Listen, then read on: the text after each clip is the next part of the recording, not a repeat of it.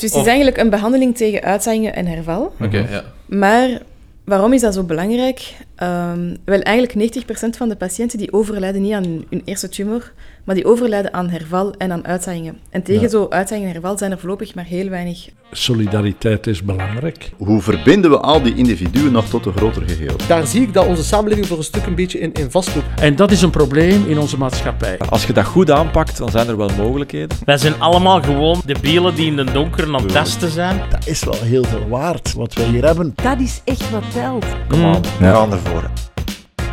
Welkom bij een nieuwe aflevering van Discours met de Boys. We zijn hier vandaag met eh Damien Laoui, eh, professor, onderzoeker en dokter eh, in... eh ja, voilà.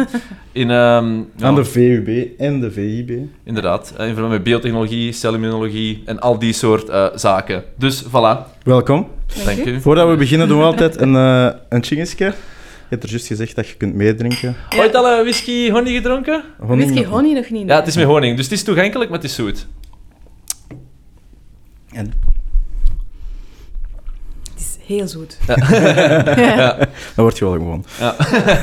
het is het tweede glas, wordt het beter. Goed. Nee, Misschien goed. ehm, om te starten, even in het kort. Wie is Damia en wat doe je? Ik, ehm, ja, dus ik ben Damia, ik ben prof hier op de VUB, VIB. Ik ben bio-ingen- bio-ingenieur van opleiding. Mhm. Ehm, ik ben 38 jaar. Ik heb twee kinderen en een kat. Ja. En een partner. Ehm, Kat eerst. Nee, nee, maar... ehm, ja, en dus ik doe onderzoek op... Ons doel is om nieuwe kankertherapieën te ontwikkelen met Ja. een superleuk team hier. Oké, nee, goed. Cool. En misschien eh, om kanker heel even, in, eh, even te situeren, waar staan we vandaag, als we dat algemeen moeten schetsen? Eh, Ja. En misschien een interessante vraag die ik zelf heb. Is er vandaag, los van het feit dat we natuurlijk veel meer bevolking hebben, et cetera, et cetera, meer kanker relatief bij de mens dan vroeger, ja of nee? Wou ik ook stellen, die vraag. Ja. Ehm, dus misschien eerst met uw tweede Ja. vraag.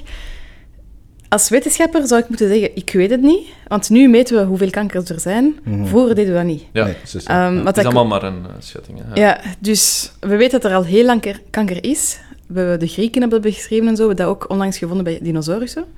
Uh, dus kanker is er altijd al geweest. Ehm, ja, we denken, we hebben een extreem sterk vermoeden dat er nu veel meer kanker is. Mhm. Ehm, de hoofdzaak is eigenlijk vooral het feit dat we ouder worden. Oké. Mhm. Dus het is eigenlijk zo dat de meeste kankers... ehm, ja, in 65% van de gevallen kunnen er eigenlijk niks aan doen. Oké. En is dat gewoon toeval. Dus een stukje van dat toeval is genetisch bepaald. Ja. Dus je krijgt eigenlijk de slechte genen van je Ja. ouders. Daar kun je niks aan doen. Ja. Ehm, Pols en op je ouders. ja. maar ehm, ja, in andere gevallen waar dat je niks aan kunt doen, Ja. is dat gewoon omdat als je cellen delen, dus als je ouder wordt en je Mhm. leeft gewoon, gaan er altijd een beetje cellen kapot. Cellen Ja. moeten blijven Mhm. delen om je lichaam te onderhouden. Ja. En bij elke celdeling kan het zijn dat er in je genetische materiaal, in je DNA, een foutje komt. Ja. Dus hoe langer, hoe ouder dat je Ja. wordt, hoe meer statistische kans dat je hebt om zo foutjes te, op te lopen. Ja. Ja. Ja, ja. En we zijn eigenlijk hè, dieren, we zijn gemaakt om ons voor te planten en om daarna niet meer zo lang meer te leven. Dus na 40 jaar Zou zijn het de biologisch gezien eigenlijk... ehm, Na ja. 40 Niet jaar. meer relevant. Ja. ja, Bij de mens. Hè?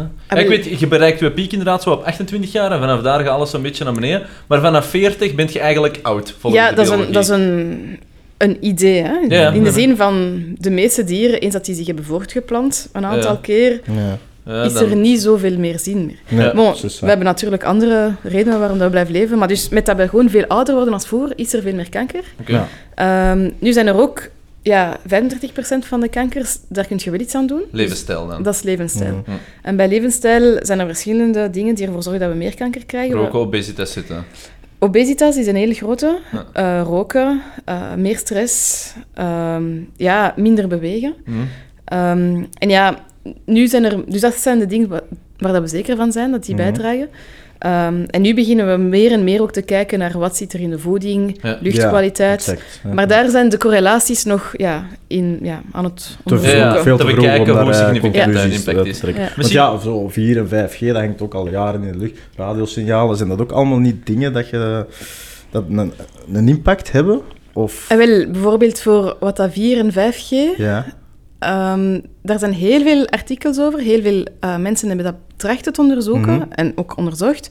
En er zijn heel weinig resultaten die iets tonen dat Ah, dat iets zou kunnen geven. Bijvoorbeeld Oké. 5G daar zit al veel dichter bij de zonnestralen dan 4G. Dus Mhm, hoe, mhm. 2G is bijvoorbeeld, zou gevaarlijker zijn Ah ja, dan 5G. oké. Ehm, maar ja, dus in, in vitro, dus waar dat je cellen Mhm. in een plaatje steekt en daar zo eh, van alles opsmijt, Mhm. Als je daar extreme dosissen aan... Ja, die blootstelt aan extreme dosissen die wij niet krijgen, Mhm. dan zou je soms dingen kunnen merken, maar eigenlijk is er ook geen echt... beschermingsmechanismen. Ja. Ja, er is geen goed bewijsmateriaal voorlopig dat dat echt wel kankerinitiërend is. En Bluetooth en zo, heeft dat een... Wat? Bluetooth? Ah, Ja, maar gewoon in general straling. Ik denk dat Ja, straling vaak wel fout begrepen is. Want, Ja, want- eh, ik denk dat straling klinkt altijd eng en we linken Ja. dat heel vaak aan radioactiviteit. Maar in zekere mate denk ik, door, op basis van die wavelengths, dat dat wel meevalt en niet zo snel en wel, het is, met het onze... is hoeveel wavelengths, Mm. van welke grootte. Mhm. Want ja, ioniserende straling geeft kanker, hè? Ja, ja, ja, per definitie. Dus, maar- Röntgen, Ja, maar Bluetooth, daar opnieuw, dat is zoiets dat we... Misschien, misschien niet. Ja. Ik, kan, ik kan daar nu geen antwoord nee, nee, op geven. voilà. Het is Ja. nog veel te vroeg. eigenlijk. Misschien eh, even een misschien mogelijk foute vraag, waar ik nu een aantal dingen eh, door elkaar eh, gooi. Maar ouder worden, dat wil ook zeggen per definitie, of dat proberen ze toch te linken, die ouderdomsverschijnsel aan het korter worden van de telomoren en dat die dan minder relevante informatie of minder accurate informatie blijven kopiëren. Maar heeft dat dan ook een directe impact zeg maar, aan de vaker foutievere celdeling die leidt tot kanker? Of hebben die twee eigenlijk niks mee te maken en ben ik hier een foute correlatie aan het leggen? Ehm, ja en nee, dus ja. Eh, maar het is eigenlijk zo, ja, hoe ouder dat je wordt, je hebt dus een aantal reparatiemechanismen Ja. in je cellen die ook mutaties kunnen krijgen. Daarvan Ja. krijg je geen kanker, maar daarvan kunnen er kanker minder voorkomen. Ja, Oké. Dus zo, ja, dus het is ja, eigenlijk, ja, hoe ouder dat je wordt, hoe echt exponentieel sneller dat ja, het kan gaan. Ja, ja, dan gaat het eh, snel. Nee, en per definitie hebben we toch... Allee, heeft elke cel toch een soort van... ehm, ja, aantal zaken die eigenlijk, zeg maar, een, eh, een losgeslagen cel, die de celdeling eh, extreem zou gaan toepassen, een soort van controlemechanismes op. hè, maar vaak Ja. is het dat gegeven... Is dat niet P42 of zoiets achtig? Of iets met 42? Nee. Eh, ja, er zijn een aantal, maar biologie gezien. P53 Ah, wel een zo... Ja. Maar, ehm, en dat zijn dan vaak zaken die dan slecht gekopieerd worden, waardoor het die cel eigenlijk kans heeft om los te slaan. Ja, dus dat is eigenlijk een, een, een, ja, een suppressorgen heet dat. Ja? Dus dat gaat de mutaties onderdrukken. Hm? En dus als je in dat P53-gen ook een mutatie krijgt, dan Mhm. kun je eigenlijk al die andere mutaties niet onderdrukken. Oké. En dus kun je eigenlijk totaal niet meer herstellen en gaan je kankercellen zich blijven vermenigvuldigen. En Ja, bijvoorbeeld een leuk weetje, olifanten die worden zo oud, Ja? die hebben veel meer P53 dan eh, andere kleinere Ja. diersoorten. En dus we zouden kunnen denken van, omdat olifanten en walvissen heel veel van die genen hebben, worden zij veel ouder Mhm. dan... Omdat ze minder dan van, vatbaar zijn voor dergelijke ziekten. Ja. Ja, Ja. want Maar dat is dus niet hebt- over die kanker, dat is ook nog voor andere ziekten dat dat goed werkt dan eigenlijk. Vooral voor kanker weten Ja. we dat P53 eh, belangrijk is. Ja. Er zijn zo'n aantal ja, genen die belangrijk zijn, en zoals Angelina Jolie, je, ja, je kent die, die heeft Ja. haar ehm, borsten laten weghalen. Ja. Want ze had ook zo'n mutatie in een ander gen, een oncogen heet dat, BRCA1, Hm? dat er ook voor zorgt, ja, dat is ook een, soort suppressorgen, dat ervoor zorgt van, als je dat niet hebt, dan gaat je je fouten niet kunnen ehm. Goed maken. Dus heb Ja. je zoveel kans dat je eigenlijk borstkanker krijgt of eierstokkanker. Ja, ja. Ja. Dus vandaar dat zij haar borsten op voorhand heeft laten En weghalen. misschien ook een, eh, een fout concept, denk ik, dat er rond kanker bestaat, of dat allee, ik toch vroeger altijd had. Maar kanker is zo'n beetje een uh, alomvattende term geworden, maar per definitie heeft ons lichaam dagelijks te maken met kankercellen, maar in Ja. general slaagt ons lichaam erin om die wel kapot te krijgen. Ja. Maar eigenlijk heeft iedereen momenteel kanker, maar het gaat wel effectief over ja, een... eh, eh, exponentiële ehm, ja, curve op het aantal cellen die effectief eh, daaraan voldoen. Dat klopt toch? Hè? Dat we elke ja. dag, ik heb ooit eens gelezen, één kankercel, maar het zal misschien meer zijn, eh, kapot doen. Of dat ons immuunsysteem Ja. erin slaagt. Wel, dus we weten eigenlijk niet hoeveel en hoe, Ja. hoeveel per dag en hoe groot. Maar er wordt wel gedacht dat per dag of per zoveel dagen Ja. er fouten optreden. Hm. Dat je dus eigenlijk ja, mutaties krijgt en dat je cellen dan continu gaan blijven delen. Dus dat Ja. je continu mini-tumoren krijgt, dat je immuunsysteem die weer kapot maakt. Hm. En zo in zot, continu, totdat je immuunsysteem bijvoorbeeld slecht loopt. Ja. Of, ehm, maar dus waarschijnlijk hebben wij nu ergens Kanker. Maar dat klinkt kei Dat dramatisch. is Maar, toch, ja, ja. dat is toch zot eigenlijk, hè? Ja, als je erover nadenkt.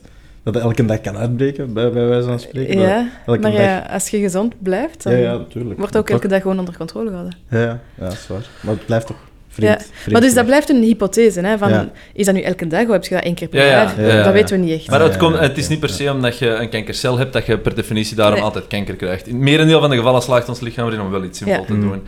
En misschien dan eh, de brug maken naar je onderzoek, eh, waarin dat je uiteindelijk ja, met dan de meer eh, eh, eenvoudige termen een kankervaccin hebt ontwikkeld, of toch weliswaar dat op dieren eh, blijkt te werken. Ja. Dus misschien interessant om dat even eens uiteen te zetten en wat daar zo evoluties in zijn. Ja, dus het is eigenlijk zo... Dus wij kijken vooral naar het immuunsysteem, dus het afweersysteem, hoe dat, dat interageert met je, met uw tumor. Ja. Ehm, dus ja, in je tumor heb je die kankercellen, hè, die worden gemuteerd, die gaan zich dan blijven vermenigvuldigen. Je krijgt een tumor. Maar je tumor wordt ook gepatrouilleerd eigenlijk door je afweersysteem. Ja. Mhm. En er zijn cellen, bijvoorbeeld dendritische cellen, eh, dat is mijn lievelingscel. Ehm, dus die zijn altijd in je lichaam aan het eh, zwemmen, zeg Ja. Om te vinden van wat is vreemd in het lichaam. Die Ja, zijn eigenlijk op Via bloed. Of via... via, eh, via of bloed. de En- scouts, eigenlijk. Van Dat zijn scouts en die zoeken eigenlijk van, is hier een bacterie, is hier een virus? Die zoeken eigenlijk wat is vreemd. Ja. Ehm, Oké. En als ze in een tumor geraken, je kankercellen die gaan bepaalde ja, merkers op hun oppervlak hebben die Ja. anders Mhm. zijn. En dan gaan die herkennen van, ah, hier zit een eh, kankercel. Mhm. En die gaan eigenlijk een soort, eh, we noemen dat zo'n beetje de generaal van het immuunsysteem, die gaan een soort stukje van die kankercel meenemen, een soort bewijsmateriaal, Ja. om aan de rest van het immuunsysteem te zeggen van, alert, Ja, ja, ja, er, is een, ehm, er is een kankercel. Die gaan dan ook, hè, want die kunnen goed zwemmen, die gaan ehm, migreren Mhm. eh, via de lymfevaten naar je lymfeknopen. En in die lymfeknoop gaan die dendritische cellen dat stukje tonen aan de soldaten van je Ja. immuunsysteem. We noemen dat de T-cellen. Mhm. En die gaan dan zo'n leger maken, je T-celleger. En die eh, soldaten, die T-cellen, die gaan eigenlijk dan naar de plaats gaan, dus naar de tumor, Ja. en de eh, kankercellen volledig dood. Ja.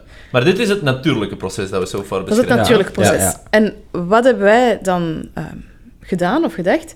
Dus die dendritische cellen, ehm, iedereen weet al, alle iedereen. Het onderzoek weet al heel lang. Heel even kort onderbreken. Een dendritische cel, eh, hoe onderscheidt zich dat van andere cellen? Of wat wil dat eh, juist zeggen? Ja, dus dat is eigenlijk degene die alles goed kan herkennen. Oké, Dus Ah, ja, de juist. scout. Ja, ja, Ja, juist, en die onderscheidt zich, ja, we noemen dat dendrietcel, want die heeft zo ja, dendrieten. Ja, Eh, dat komt van het Grieks woord ja. dendros, Ja. Eh, zo takken, aftakelingen. ja. Ehm, maar dus dat is de Oké, herkenner. ja. Ja.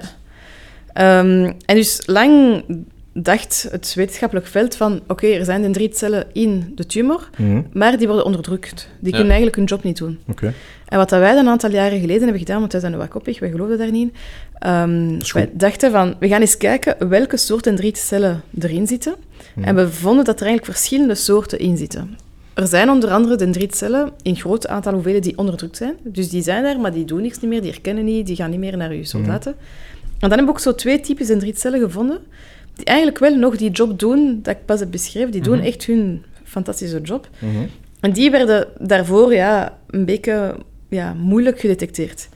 En we dachten van, oké, als we die keigoede dendrietcellen hebben, misschien kunnen we die isoleren uit tumoren Mhm. en gebruiken als een soort hè, kankervaccin. Mhm. En wat als je dat nu inspuit in een muis, je geeft die muis dan een tumor, dan zeg je van, ah, die tumor groeit niet. Mhm. Want eigenlijk had die muis een soort eh, geheugen, dus Ja. die, al die soldaten waren opgewekt, waardoor die tumor niet kon groeien. Ja. Dus dat is bij muizen, wat is het idee? Maar heel van Bekke, je spreekt Ja. er wel specifiek over niet groeien. Hè? Het is niet doen verkleinen. Ehm, ja, dus bij die muismodellen, Ja?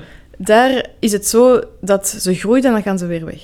Oké, dus ze konden wel effectief vanzelf ook weggaan, de tumoren. Ja, Door... Oké. ja, maar dat is een andere setup, want daar hebben we eerst eens een drietcellen gegeven Ah, ja, ja, en dan gelijkaardige tumoren voor, ja. ingespoten. Ja. Ehm, dat kan je doen bij muizen, want daar heb je kankercellijnen, dus je kunt eigenlijk... al Ja, muizenstammen zijn identiek, dus die Ja. hebben een, hetzelfde immuunsysteem, dezelfde soorten kankers. Ja. Bij mensen is dat niet zo, wij zijn allemaal uniek. Jij hebt een ander, stel dat je ooit kanker krijgt, dus dan gaat dat anders zijn dan, dan uw kanker. Ja. Ehm, dus je moet met een persoonlijke therapie gaan. Ja. Want uw dendrietcellen kent enkel uw kankercellen. Ja, ja. Dus wat is, het, wat is het idee? Stel nu dat je kanker zou krijgen, zeg Mhm. zomaar iets, longkanker. Je gaat naar de arts, die arts gaat je tumor chirurgisch verwijderen. Ja. Ehm, en dan kunnen we uit uw tumor de goede dendrietcellen halen. Dus Mhm. die hebben stukjes meegenomen van uw kanker. We spuiten die terug in bij u. Dus die gaan twee dingen kunnen doen. Ten eerste gaan die reizen naar overal in je lichaam. En alle kleine uitzaaiingen, die resteren. Ja. die gaan ze kunnen vernietigen. Maar ze gaan ook een geheugen opbouwen, zodat jij binnen tien jaar of ik weet niet hoeveel Ja, jaar Niet meer dingen. hervalt. Ja, ja. Want dat maakt eigenlijk... Daarvan komt het woord vaccin. Dat zorgt ervoor dat je eigenlijk een geheugenrespons hebt tegen je eigen kankerherval. Ja. Ja. Oké. Maar dat is dan specifiek tegen die, bijvoorbeeld die longkanker. Als je dan ja. een andere kanker een jaar later ontwikkelt, dan moet je eigenlijk opnieuw het proces doen. het is nu wel zo dat... omdat van je eigen. Dus het is echt nabehandeling, om het zo te noemen. Ja, dus het Of- is eigenlijk een behandeling tegen uitzaaiingen en herval. Oké, Mhm. ja. Maar waarom is dat zo belangrijk? Ehm, wel, eigenlijk 90% van de patiënten die overlijden niet aan hun, eerste tumor, maar die overlijden aan herval en aan uitzaaiingen. En tegen Ja. zo uitzaaiingen en herval zijn er voorlopig maar heel weinig... Ja. ehm, Ja. En dat is nog steeds in onderzoekfase, of is dat ook effectief al... Nee, het is nog niet uit de kliniek, dus het is Ja. nu in onderzoeksfase, Ja. maar dus we hebben eigenlijk genoeg Human resultaten... trials ook? Of? Nee, nee, in muis. Ah. Maar we hebben dus genoeg muisdata om naar human te gaan. Oké. Ehm, dus nu resteert ons twee dingen te doen voordat we echt in mens gaan. Ehm, enerzijds is alle admin rondkrijgen, dus we moeten zo al die ethische... Uiteraard, ja. Maar dat, dat pakt ook veel tijd. Ja. Want ja, wij dachten van, ah, kijk, dat werkt. Eh, Ja, binnen twee jaar nee, zitten we in de kliniek, maar nee. Eh, dus ja, alle ethische goedkeuringen, alle... Ja, ja, ja, ja, ja. Ja, komt Ik weet niet hoeveel dossiers er massa daar bij kijken, komen ja. kijken. Ehm, en het geld. Ja. En dat is een, een grotere Ja, uitdaging. daar heb je per definitie denk ik een partner voor nodig. eh. Ja, maar dat is heel moeilijk, hè, want de meeste mensen die een therapie hebben, die gaan dan met een industriële partner werken. Maar wat vindt de industrie leuk? De industrie vindt ten eerste iets leuk dat ze zelf kunnen produceren en in potjes verkopen. Ja. Dat gaat hier Ja. niet, want het zijn hun eigen Nee, cellen. nee, nee. voilà. En iets waar dat ze eigenlijk een redelijk snelle cash return hebben. Met andere woorden, Ja. je bent niet schaalbaar en je bent niet snel genoeg rendabel. Nee, Allee, want of, eh, de- de- de Hmm. Stel dat we een studie doen, Ja. we gaan enkel pas weten, pak binnen vijf of tien jaar, ah ja, de patiënten zijn niet hervallen. Ja. En Ja. dan pas weet je dat het eigenlijk heeft gewerkt. Ja, ja, ja. Terwijl bij andere medicijnen weet je binnen twee jaar, ah ja, de patiënten leven langer. Ja. Mhm, mhm. En dat is waarom dat we geen En industriële partners de, stel nu even, ehm, eh, niet alles is perfect, maar binnen een bepaald aantal marges die je waarschijnlijk al in zekere mate goed hebt meegenomen. Hoe impactvol is het als het eh, grotendeels zou werken is? Mhm. Eh, Ja. allee, Ja, dus dat is, dat is goed dat je dat zo zegt, want we weten totaal niet of het gaat Mhm. werken. ja, We hopen heel erg. uiteraard. Ja. Als het zou werken, dus potentieel zou het kunnen werken op alle vaste tumoren. Mhm. Oké. Ehm, Wat is een vaste tumor? dus Allee, zo- of een, niet-bloedkanker. Ah, oké. ja. Ja. want dus een vaste tumor ja. is iets waar dat je zo je tumor Ja, chirurgisch kunt letterlijk verwijderen. kunt. Ja. Ja. Ja, maar dus eigenlijk, dat kan voor alle soorten Ja, vaste tumor. En wel, dan zouden eigenlijk potentieel al die patiënten kunnen van uitzaaiing en herval redden. Ja. Wat, dat Wat, allee, wat dat- quasi eigenlijk een, een oplossing is voor de kanker. ja, Ja, voor een soort, heel hè. groot Ja, voilà. deel kanker. Ja, als het ooit nog... En ehm, misschien een domme vraag, maar je hoort altijd zo... Ik ken er eh, helaas iets te weinig van. Maar je hoort altijd zo van die zeer eh, verder gevorderde eh, kankers, om het zo te zeggen, fase 1, 2, 3, 4. Mhm. Ehm, als je in die verder gevorderde fase zit, waarin ze toch een groot deel nog kunnen verwijderen, maar zou dit er ook voor kunnen helpen dat je latere, of verder gevorderde fases toch nog kunt terugdraaien? Dat mensen die nu terminaal worden ervaren, Ja. dan dat eigenlijk... Mhm. Ja, allee, je moet hier altijd, alles is hier met twee woorden nu, maar het Ja, ja. niet meer Mhm. eh, zijn? Of, Ja. of even Dat hopen we, maar ehm, dat lijkt mij, om eerlijk te zijn, sterk? eh, moeilijker. Dus Ja. wij gaan waarschijnlijk onze eerste studie doen op fase 2 en Ja, 3. tuurlijk. Mhm. Ja, Ehm, fase 4, dat weet ik niet. ja, ja. ja. Ja, Ja, nee, nee, Ja. nee, maar het was, dat is een open vraag. Nee, cool. En, En ehm, hoe lang denk je dat het nog zou duren eer dat je die human trials kunt beginnen? wel, dat is een heel en hoe lang vraag. hè. ze dan nog eens lopen? Ja. Want ehm, ja. we hebben nu een serieus plan hè, van echt per maand. We gaan dit en dit en dit en dit Mhm. doen, maar alles moet goed gaan. Hè, dus Ja. we moeten dan die ethische goedkeuring krijgen. En alles zonder- gaat niet goed, hè. Je hebt altijd Ja, maar dus volgens het plan zouden we binnen drie jaar kunnen starten, indien het geld er is. Ja. En, en daar Ja. hebben we geen... En, eh, En hoe lang moeten die dan Welke nog duren? Ja, sorry. Eh, wel, De human trials, hè? Voordat het effectief is. Ja, is want er zijn verschillende Als dat dan nog eens trials, hè? allemaal... Ja, ook Goed loopt. dan. Want de eerste trial is eigenlijk safety. Dus daar Ja. gaan we eigenlijk gewoon kijken met mensen die ook al de huidige therapie gebruiken, bijvoorbeeld chemo. Ja. Van, sorry, als je die ehm de rietcellen erbij toevoegt, Mhm. is er een verschil op veiligheid. Ja. Voelen ze neveneffecten enzovoort. Ehm, dat, Dat, zou niet normaal zo niet mogen, lang... want dat komt uit je eigen lichaam. Inderdaad, Ja. maar je moet die wel doen, Ja, Ehm, dus dat zou niet zo lang moeten duren. Waarschijnlijk in een twee jaar eh, Mhm. is dat afgerond, afhankelijk van de patiëntrecrutering. Dus je moet Ja. genoeg patiënten hebben die uw ding willen doen, Mhm. artsen die dat promoten. Ehm, en het is ook zo dat het geluk dat we hebben met kanker is dat we eigenlijk ook al gaan kunnen zien van, tja, hebben die patiënten ook al iets van verlengde levenstijd ten opzichte Ja. van wat dat voorspeld Mhm. was. Ja. Als dat dan oké is, dan gaan we een grotere fase 2 moeten doen. Mhm. Opnieuw, geld moet er zijn. Ehm, maar daar gaat het waarschijnlijk iets van minimum een vijf jaar zijn, Mhm. om te kijken van ja, de patiënten die dan zouden Ja, dus zijn we zijn nu al tien jaar verder. Hè? zijn Best case scenario verder, zelfs. Hè? Ja. En dan fase 3. En dan fase 3, maar ja, in Ja. dit opzet is fase 3 eigenlijk bijna behandeling. Ja, ja, Ja. ja. En ehm, vraag, ehm, is het een... allee, bedoel, per definitie zou eigenlijk je immuunsysteem het zelf moeten leren, en et cetera, et cetera. Maar Ja. de realiteit toont toch wel dat dat nooit zo permanent is. Dus zou het ook iets wederkerend zijn? Of is het echt, wijze van spreken, behan- behandeling op een vrij intensieve periode en dan nooit niet meer?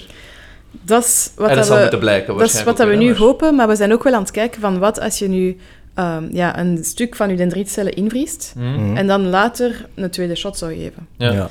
Eh, maar dat is iets dat we nu nog aan het onderzoeken zijn. Eh, Ja. Bij bepaalde... En die klonen, is dat een optie? We kunnen die niet klonen. Nee.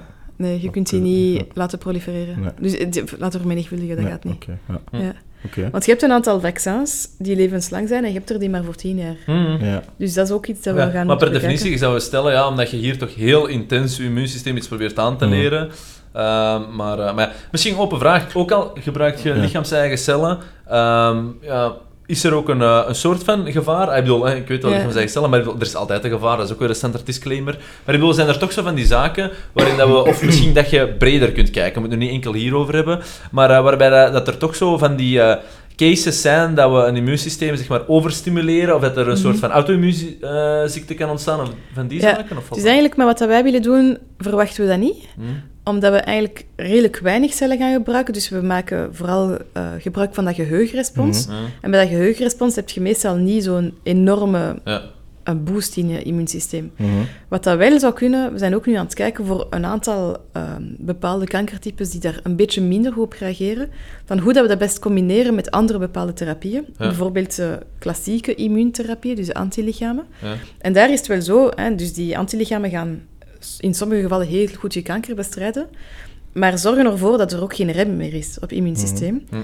En dus dat je bepaalde auto-immune reacties zou kunnen eh, genereren. Oké. Ehm, dat hebben we nu al, hè, met heel veel therapieën. Ja. Voor kanker is dat ergens oké, in de zin van het is ja, nevenreacties of, of aan kanker Mhm. overlijden. Hm. Ja. Bij andere bepaalde ziektes moet je daar veel meer over nadenken, want Ja. dan Mhm. kunnen die neveneffecten even erg zijn dan de Ja, de cure versus. Ja. En je spreekt dan ook over dat geheugen. Hè. Natuurlijk, ja, die kankers treden op, dat hebben we dus juist besproken, en na die 40 jaar meestal. Hè. Dus dan gaat het ook niet meer eh, herproduceren, maar je hebt natuurlijk ook wel gevallen waar dat er wel is. Wordt dat geheugen dan ook natuurlijk eh, genetisch doorgegeven aan, aan, aan de kinderen, of niet? Nee. Nee, nee. Dat blijft echt binnen... Ja, Ah ja, ja. dat is wel spijtig. Dat, dat is eigenlijk een Want- heel goede vraag. Want als je dan op termijn, oké, het is dan niet het meeste eh, voortplanting, maar sommige, maar als je Ja. dat heel op termijn optrekt, dan is dat eigenlijk wel, blijft dat wel doorgegeven. Nee, dus je kunt antilichamen doorgeven Ja. aan je kinderen. Ja. Maar zo, ja, uw T-cellen die worden eigenlijk in uw leven Mhm. Uh, dus die soldaten, die worden eigenlijk... Ja, de, het aantal kloons dat je krijgt, dus eigenlijk Mhm. alle geheugensoldaatjes die Ja. klaarstaan om, om zo aan te vallen, Ja, die worden aangemaakt ten opzichte van wat dat je allemaal meemaakt. ja. Of de vaccins dat je krijgt als je kind Ja, bent. ja, ja. En die worden niet echt doorgegeven. Ja, ja, Maar misschien een interessante opvolgvraag. In zekere mate, ehm, stel nu, ehm, ik denk dat we DNA in zekere mate nou wel relatief goed snappen. Eh, zou je ehm, kanker uit de wereld, lijkt me straf, want er zal altijd fouten zijn, maar zouden 95% van alle kankers uit de wereld kunnen helpen als we eigenlijk gewoon het DNA op een aantal zaken zouden kunnen manipuleren? En bij wijze van spreken, we verdubbelen P53, wat waarschijnlijk een aantal Ja, massa's twee- neveneffecten Ja, hebben. 52 was het, hè? 53, ja. Ah. Maar ik bedoel, eh, niet dat enkel. Hè. Je hebt Ja, ja, natuurlijk veel meer expertise. Maar zijn er zo'n aantal zaken dat je zegt van, goh, eigenlijk eh, misschien interessant om naar te kijken. Ja, Want met CRISPR kunnen we Ja. veel en misschien dat combo met CRISPR dan. ja. Ehm, dat is ook opnieuw een goede vraag. In de zin, allee, ten eerste kennen we nog... Dus er zijn bepaalde ehm, ja, eh, genen die, hoe zeg je, prone zijn... ja, Ehm, eh, voorbestemd of meer... voorbestemd zijn om ja. mutaties te hebben. En dus nu zijn er eigenlijk mensen bezig met bijvoorbeeld ervoor te zorgen dat je tegen al die Mhm. mutaties een soort vaccin krijgt, Mhm. ehm, om tegen al die mutaties beschermd te zijn. Dus Ja. je zou kunnen zeggen, van als je hè, met CRISPR Ja. baby's maakt, en we gaan dat nooit doen, en dat is ethisch zo. Enfin, Het gebeurt al, hè? Maar ik bedoel, Het is al het gebeurd. bij- ja, het, is- het gebeurt niet, hè, maar het, het is al gebeurd. Door die ene Chinees, we gaan daar straks over. Ja, ja, maar, nee, maar ik weet erover echt, maar ik bedoel, gebeurt het echt niet meer, denk je? Of nee, denk je nee. gewoon... Het Ja, is, maar, Tuurlijk wel. Het- nee, ik bedoel, het gebeurt misschien niet in de VUB, maar ik bedoel, denk je dat het nergens in de wereld niet meer gebeurt? Ik denk dat niet. Nee? Oké, Ik hoop van niet. ja, dat kan. Maar eh, ja, nee, ja, ik, denk dat altijd... denk dat er altijd wel mensen super Ja. geïnteresseerd zijn in onderzoek en waar al- Maar bon, eh, Want die kunnen daar niet, meer- niet meer naar buiten, hè, of ze zijn hun positie kwijt. En, en, ja, ja, ja. Ja, maar ah, je hebt onafhankelijke mensen dan. En je hebt Ja. toch een aantal landen. ja. Oké, bon, misschien is het voor Sabine. Ja, Ehm, ja, maar dus ja? je zou kunnen zeggen van oké, van al die genen weten we dat er potentiële mutaties kunnen zijn. Mhm. We gaan al die genen zo manipuleren dat die volledig stabiel worden, Mhm. zeg maar iets. Ehm, ten eerste weet ik niet wat de neveneffecten zou kunnen Ja, zijn. want we snappen nog niet altijd alle Ja, uitwerkingen. En ten tweede, er zijn ook bij elke patiënt, of toch bij een aantal Ja. patiënten, wat dat we noemen neo-antigenen. Oké. Ehm, dus dat zijn eigenlijk nieuwe mutaties die heel patiëntspecifiek zijn. Mhm. Dus misschien zou je wel, stel dat hè, in de ideale wereld, dat je dan 30% van de patiënten beschermt. Mhm. En dan heb je ja, pech voor die mensen die die specifieke Maar dat is eigenlijk al optimistisch dat je dan zegt 30%. hè? Ja, en ook, het is denk ik, het is ondenkbaar om zulke... Ja. Want allee, dat is, ik weet niet of je die film hebt gezien, ehm, hoe heet dat weer? Eh, Gattaca? Nee. Dat is, je moet die eens zien, dat is met eh, Jude Law, speelt daarin. Oké. Dat is eigenlijk, ja, het gaat over het feit van, ehm, ja, je bent zoveel jaar verder in de maatschappij Mhm. en dat alle baby's eigenlijk gemanipuleerd worden. Dus Mhm. het krijgen van, natuurlijk krijgen van een baby wordt niet meer gedaan. Designer baby, helemaal improve. eh, Designer baby's. ja. Ja. Maar ik, ik bespreek die film soms in eh, mijn lessen ehm, biotechnologie, in het, in het luik ethiek. Mhm. Van tot waar is de improvement medisch of fancy? Of Mhm. Ja, ja, ja. waar is de grens? Want je zou kunnen Ja, zeggen omdat van... je zegt van wat is normaal en je probeert eigenlijk alles Mhm. op te trekken naar Ja. normaal, maar wanneer ze de verbetering aan toepassen of gewoon zaken Mhm. puur vanuit. En, en, en wat denken wij dat goed Mhm. is of niet? ja, ja, Want maar wij kunnen zeggen van, wat is goed zeg. Ja. eh, dit is een ziekte. Ja. maar misschien is dat geen ziekte. Ja. Ja. Misschien zou- zouden we kunnen zeggen van, de wereld warmt op, ik heb bruine ogen, jij hebt blauwe ogen, ik kan veel beter zien. Ja, ja, Ja. Blauwe Ja, ogen is een Esthetische ziekte. zaken kunnen inderdaad Ja. ook. En dan, ja, dus, ja. Of, of ja, ik snap het. Het is. eh, ja, agressiviteitsgenen, eh, heel veel Ja. andere soorten dingen waarmee dat je kunt spelen. Is- ja. Ehm, en ja, dus het CRISPR, dus dat is ooit geprobeerd geweest. In Mhm. 2018 heeft er iemand, een arts, of, of een onderzoeker in China, Voor aids zeker te gaan. ja, tegen te gaan dus bij die wou eigenlijk de receptor, ehm, ja, dat de virus gebruikt om in cellen te gaan, die receptor weghalen. Mhm. Ehm, op zich zouden we kunnen denken van ja, die, die gast heeft iets goeds proberen doen. Mhm. Uh, het probleem is, ja, dat was niet uh, toegelaten. Die receptor dient ook voor heel veel andere dingen. En ten tweede, het is ook mislukt, want die Mhm. receptor is er niet volledig uitgehaald. Hm. Um, dus ja, misschien zijn er daar nog mensen mee bezig. Ik hoop van niet, want Maar die misschien CRISPR wel- is nog niet controleerbaar volledig. Nee, nee, nee, nee, nee, maar dat, Ja, dat snap als ik. je En, leest eh, over de dingen allemaal gebeuren, gelijk zo initiale brandmerken op or- organen dat worden zo vervangen en zo. En dat zijn dingen die ook, ook allemaal gebeuren. Hè? Dus Ja. maar misschien eh, op een het vraag. lijkt me heel onwaarschijnlijk dat niemand er nog zou mee bezig zijn. Dus er- zelfs Ja. moesten we eh, dat DNA ehm, kunnen eh, perfectioneren, oppassen met het woord natuurlijk, maar in functie van die kankers waarover we het hadden, Ja. zeg je eigenlijk, best case scenario, zou dat zelfs maar 30% eigenlijk Nee, misschien beschermen? 70, dat weet ik Ah, of niet. misschien Mm. 70. We zouden moeten kijken... Maar dan nog steeds eigenlijk 70%, wat eigenlijk nog steeds een big improvement is, maar we'll never get there. Hè? ja, ja, ja. Ja. En dan de- dat is ook de data dat we hebben over hè, die mutaties en die genen. Mhm. is vooral ook van onze soort populatie, Ja. in de westerse wereld. We hebben ook minder zicht van hoe dat, dat varieert met ehm, ja, andere eh, mensen uit andere genetische Ja. backgrounds en zo. Ja. Dus dan Ja. zouden we ook een hele grote screening moeten hebben. Wat zijn nu degenen die we echt als prioritair zouden moeten hè, manipuleren? Ja. Ja. Ehm, Er is eigenlijk zoveel variatie dat het eigenlijk heel moeilijk is om het te gaan standaardiseren, waardoor Ja. het eigenlijk per definitie eigenlijk al een onbegonnen werk is. ja. Dus het zal altijd toch eerder een eh, behandeling worden dan iets preventiefs. Los van een levensstijlwijziging, hè, maar, eh, of ja. Ja. bij een aantal eh, ja, markers, eh, waarover dat je het ervoor had, dat Mhm. je misschien wel een aantal zaken kunt ondernemen. Oké. Nee, oké. Misschien nog eh, een laatste vraag hierover, of tenzij dat je dat nog hebt. Hoeveel geld heb je nodig? Dat is een heel moeilijke vraag ook. Hm. Eh, want Je die moet sowieso dubbel zeggen. Voor een warme oproep.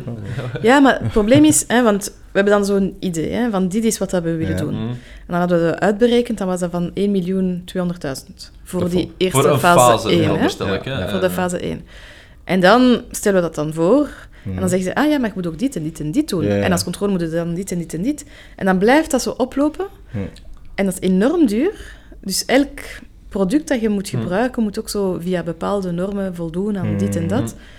Dat dat heel snel kan oplopen. En. Ja. dus je kunt eigenlijk... Ik kan nu zeggen, ja, tussen 1 en 5 miljoen. Ja. Maar dat, Ja, ja, ja, dat verschil is enorm. Ja, ja. Ja. Ehm, Maar welkom in de geneeskunde. Hè. Ja. dat is daar eh, niet ongezien. Hè. Ehm, Maar dat lijkt me toch ook niet onhaalbaar, hè? en wel, nee, het is niet onhaalbaar. Mm. Vandaar dat we ook Ja. verder ermee Voilà, doen. ja. Want zou het onhaalbaar zijn, dan zouden we kunnen zeggen, oké, dit was een Maar je leuk ziet dan proof of eigenlijk meer dat concept. privatief te gaan zoeken, eigenlijk. Dan... Ja, maar dat, is, dat blijft moeilijk, hè. Ja. Want... Allee, we hebben dan mensen gelijk Alex Agnew, die Mhm. dan plots zeggen van, ik geef u 100.000. Ja. Wie weet gaat hij dat binnen twee jaar nog zeggen. En Mhm. een aantal van die mensen kunnen ervoor zorgen Ja. dat het potje er komt. Ja, Ehm, we krijgen ook funding van gelijk Kom op tegen kanker, Ja. Mhm. eh, Stichting tegen kanker, FVO. Het Jamina Costa Fonds op zich is hetgeen dat Mhm. nu dit volledig trekt, samen met Kom op tegen kanker. Maar dat zijn, ja, dat zijn niet zo de massabedragen dat een industrie zou kunnen geven. Of, Ja, ja. en zoals ik soms zeg, een voetballer. ja. Ja, Dus het zijn echt wel Ja. heel veel aparte... Ja, ik speel één keer Ja. per maand met de lotto. En... So far, so bad. Eh, Ja. Ja, ja. Nee, nee, nee. Maar, eh, nee, maar ik snap... never know. Eh, maar misschien Ja. eigenlijk open vragen, want ik vind het altijd wel interessant omdat we het soms ook wel een beetje hebben over eh, de subsidiecultuur in Vlaanderen, om het Mm. iets even anders even te trekken. Maar vind je dat vandaag zeg maar, het financieringsmodel goed zit? Alleen natuurlijk, je gaat altijd nu zeggen van, goh ja, hè, we, we zoeken wel X, Y of Z, maar ik bedoel, dat is ook goed dat er een bepaalde moeilijkheid en competitiviteit is. Hè? Maar ik bedoel, zeg je van, ja, privaat versus eigenlijk overheid versus ja, middenveldspelers, dat Mm. zit wel goed in de wereld? Of zeg je toch van, dat zit op een aantal niveaus scheef getrokken, omdat Ja. je nu het zelf Ja, doormaakt? waarschijnlijk een stuk wel. In- Weet Je gaat het kapitalistische systeem hier niet echt van van zijn, omdat je dan die... Zeer zeker wel, hè? Bij die, ja, nee, want industriële is het moeilijk om zijn dingen... Ja, Moest het Ja, maar kijk, in de wereld zit het niet goed. In Vlaanderen, om eerlijk te zijn, zijn we wel heel goed ten opzichte van En wat betekent heleboel- goed? Goed, allee, ja, goed, goed is relatief, hè. Ik Mm. zou Ja, meer ja, willen. ja. Maar goed betekent wel dat we redelijk veel onderzoek kunnen doen. Mhm. Ehm, Subsidie georiënteerd wil je dan stellen? Of hoe- ja, subsidie georiënteerd. Ehm, bijvoorbeeld door het Fonds Wetenschappelijk Onderzoek. Nu, er zijn ook een aantal angsten ehm, ja, dat ik heb. Deel ze maar. Ehm, ja, er is nu... Kijk, er wordt meer en meer gevraagd aan ehm, de burger, om Ja. het hè, zo te zeggen, van waar de interesses liggen en waar, dat we, eh, waar dat de overheid in zou moeten investeren. Uh, kerntakenachtig georiënteerd, of hoe wil je Ja, stellen? of, of zoals Of- er was zo eh, de vraag voor de wetenschap. Ja? Ehm, ja, kerntaak. Ja. Dat wordt een beetje politiek georiënteerd ook. Mhm. En het probleem dat we zouden kunnen hebben, is dat hè, de normale mens die niet zo'n grote wetenschappelijke background heeft, die wil dat er geïnvesteerd wordt in alles wat dat tastbaar is. Ja. Bijvoorbeeld kankervaccin, Het- het dat is belangrijk. rennen, ja. Alles wat dat maatschappelijk Mhm. relevant is, maar dus veel minder in fundamenteel onderzoek, Ja. ehm, dat de normale persoon ook niet gewoon kan begrijpen. Dat is een beetje gewoon dat lange termijn denken en dat risicoprofiel nemen, Ja. dat, waar we vandaag allemaal niet zien, zoals u zegt. Hè. Welke gewone mens, en let's be real, wij allemaal in zijn of haar Ja, eigen ja. financiën, denkt er op een termijn van 15 of 20 jaar. Mm. Ja. Maar het is niet enkel dat. Fundamenteel onderzoek eh, heeft ook niet per se een maatschappelijk doel. Mhm. Uiteindelijk wel, er is Ja. altijd Ja, een doel. Maar mensen die onderzoek doen, ik zeg zomaar iets op de geschiedenis van dit en dit, dat kan kei relevant zijn, maar we Ja. begrijpen nu niet altijd de relevantie daarvan. Ja. Maar we hebben nog Alhoewel, we dat kan hebben een bouwsteen zijn dat we nog niet zien. Hè. Ja. Voor eh, astronomie. En daar eh, zit je ook heel veel zaken die Ja. in zekere mate daaronder vallen, hè, waar dat testbaar nut ja, beperkt is, om het zo te zeggen. Ja. Mhm. Voor, eh, voor ga ik morgen nu X, Y of Z doen. Maar, eh, maar nog steeds ook een beetje naar die, eh, die mensheid dat toch een soort van ontdekkingsreizigerachtige eh, Ja. Dus nut heeft. Dat dat ook nog ja, zeker ruimte te laten hebben in onze Mhm. almaars meer want- evoluerende praktische maatschappij. Want als we denken, hè, wij doen zo onderzoek op kanker, dus dat Mhm. vindt iedereen altijd relevant. Ehm, die dendrietcellen hebben voor de eerste keer eigenlijk gezien dat er zo populaties waren, omdat we eigenlijk een ander celtype aan het bekijken waren, Ja. zo macrofagen. Ja. Ja. En we deden echt puur fundamenteel onderzoek met een vraag van waarom wordt die macrofaag zo of zo. Ja, zoiets heel abstract. en plots Ja. zagen we die andere cellen. Ja. Ehm, maar als je dat eerste onderzoek niet doet, dan kun je die goede dingen niet zien. En waar dat ik ook wat last heb met het huidige eh, funding-model, is het feit dat de meeste funding agencies nu grants geven voor redelijk korte termijnen. Bijvoorbeeld Mhm. voor drie à vier jaar. Ja. Dat lijkt lang, maar dat is eigenlijk qua onderzoek kort. Dus. En dus je moet eigenlijk in drie, vier jaar een hoge publicatie, een hoge paper hebben, een hoge impactfactor, Mhm. eh, om dan te bewijzen van zie hoe goed ik het heb gedaan. Mhm. En als je dat niet bewijst, is je CV, als je cv niet goed genoeg is, dan krijg je geen verdere funding. Ja. Ja. En eigenlijk is er, er was onlangs een, een paper in Nature die aantoonde dat sinds de laatste zoveel jaren er heel weinig echt groundbreaking eh, discoveries meer Ja, gedaan ja. worden. Het is veel meer gewoon de KPI's halen om je funding of je Ja. grants te, eh, Dus die te verantwoorden. competitiviteit- Veel eer dan... eh, Want je kunt zeggen, competitiviteit is goed, hè, want dat zorgt ervoor dat je echt Ja, ja, ja. gaat maar proberen dat is altijd snelheid en korte termijn, denk Maar ik. korte termijn Ja. is niet goed. Je kunt niet Ja, soms echt tuurlijk. focussen op iets crazy. Dat En je op denkt- een vraag, want ik zou, ik zou dat, eh, dus ik vind dat interessant, hè, wat je zegt denk ik is ook relevant, maar dan is er ook weer de vraag van, is zoiets zeg maar de, de taak van de overheid, of is zoiets ook bijvoorbeeld de taak van zeg maar de onderzoeker die ook eigenlijk dat gaat zoeken bij mensen die daar geld aan willen spenderen? Want als je gewoon x aantal honderden jaren terug gaat, waarbij dat je bijvoorbeeld ook hè, die, dat fundamenteel onderzoek op andere niveaus zet en misschien wat meer lange termijn denken, had je vaak ook wel zeg maar een aantal individuen, vaak eh, zeer welgesteld, die dan wel daar geld aan gaven en die daar meer, ja, meer rek op wat die KPI's zijn. Ja, dat, dat, is, dat is een moeilijke vraag. Ja, ik denk niet dat dat onze taak is als vraag. onderzoeker. Ehm, ik Ja. kan bijvoorbeeld wel met, met jullie spreken of met Ja. iemand die geld heeft. In mijn team zijn er onderzoekers. De, de meest... Allee, ja, Daarom is het onderscheiden. de, ik weet het niet misschien. Nee, nee. Maar de, de meest fantastische... Allee, fantastisch in de zin, geni- met de geniale ideeën in mijn team. Ja. Ehm, ja, ik denk nu aan twee personen die zijn niet zo ehm, sociaal, zeg Ja. maar, Ja. normaal volgens de huidige normen Ja, van ja, ja. socialiteit. Die kunnen niet met Nee, maar dat is iemand vaak, normaal ja. spreken. Maar die zijn geniaal en Mhm. die krijgen de beste ideeën. Mhm. En dus ik denk niet dat het... Je moet niet in Ja, alles maar je hebt altijd een team nodig, sowieso, hè, ongeacht wat Ja. je doet. En een Ja. team is altijd complementair, en waar het de een misschien iets meer daarop kan focussen, en de dat is altijd, dat is gelijk Dus- dat een acteur, een agent of een manager heeft. hè. Ja, maar Ja. zo... Er bestaat niet zoiets als Nee. ehm, Ja. Agent voor Ja. onderzoeker. Business idee. Dat bestaat wel in een bedrijf. Ja. Ja, Ah, in een bedrijf Ja, heb je ja. onderzoek doen, degene die sales doen. degene- In de academische wereld is dat niet zo. Ja. Ja. Wij als prof moeten dat Eigenlijk dan doen. zot dat dat nog steeds niet bestaat dan eigenlijk. Hè. Allee, we hebben Ja, dat wel is normaal, zo... omdat dat een minder economisch model is, waardoor Ja, dat... of niet, of net wel, hè. Ja, Ja, maar ik, op, ik denk dat het interessant is om het eraan te linken. Maar aan de andere kant, hoe economischer dat je universiteiten gaat maken, et cetera, et cetera, hoe meer dat je per definitie weer eigenlijk dat fundamenteel onderzoek per ongeluk er gaat uitkegelen. Ja. Dus dat is dan weer de downside. Allee, we hebben wel zo tech-transferdiensten en zo, hè, en die werken goed, maar dat blijven een aantal personen voor heel de universiteit. Hm. Ja. Dat is niet hetzelfde dan Nee. iemand die zijn eigen ding gaat pitchen. En, Ja, ja. eh, Ja. en ja, dat model... Dus Maar langs de andere kant, we zitten een eigenlijk leemte wel... daar nog. Sorry? Er is eigenlijk nog een leemte dat moet worden opgevuld. In dat specifieke aspect. Ja, Ja, ik weet niet of dat, dat nodig is, of dat... Ik weet dat ook niet, want ik denk in zekere mate Ja. is dat al wel eh, hard gedemocratiseerd. Als we kijken Ja. naar de Leonardo wel, da Vinci's ja, van vroeger, die moest alles ook maar zelf doen. Die moest zelf ook zijn mecenaten gaan zoeken van hey, ik kan schilderen, wil je mij geen geld geven voor... Dat is heel erg gesimplified. Maar dat je vandaag eigenlijk al in een soort van kom zit van de universiteit, die eigenlijk al heel veel funding gemakkelijk Ja, kan, ja, eh, kan ja, toelaten en ja. zo. Dus je hebt misschien al een deel, een midden Een om deel te wel, tackelen. maar je moet ook in die- is het niet, hè. Je moet is ook in die wel kom geraken, hè. Je moet ook in die kom geraken. Ja, ja, en die eerste stap is ook moeilijk, want Mhm. dat, bijvoorbeeld als je nu een doctoraat wilt gaan doen, Hm?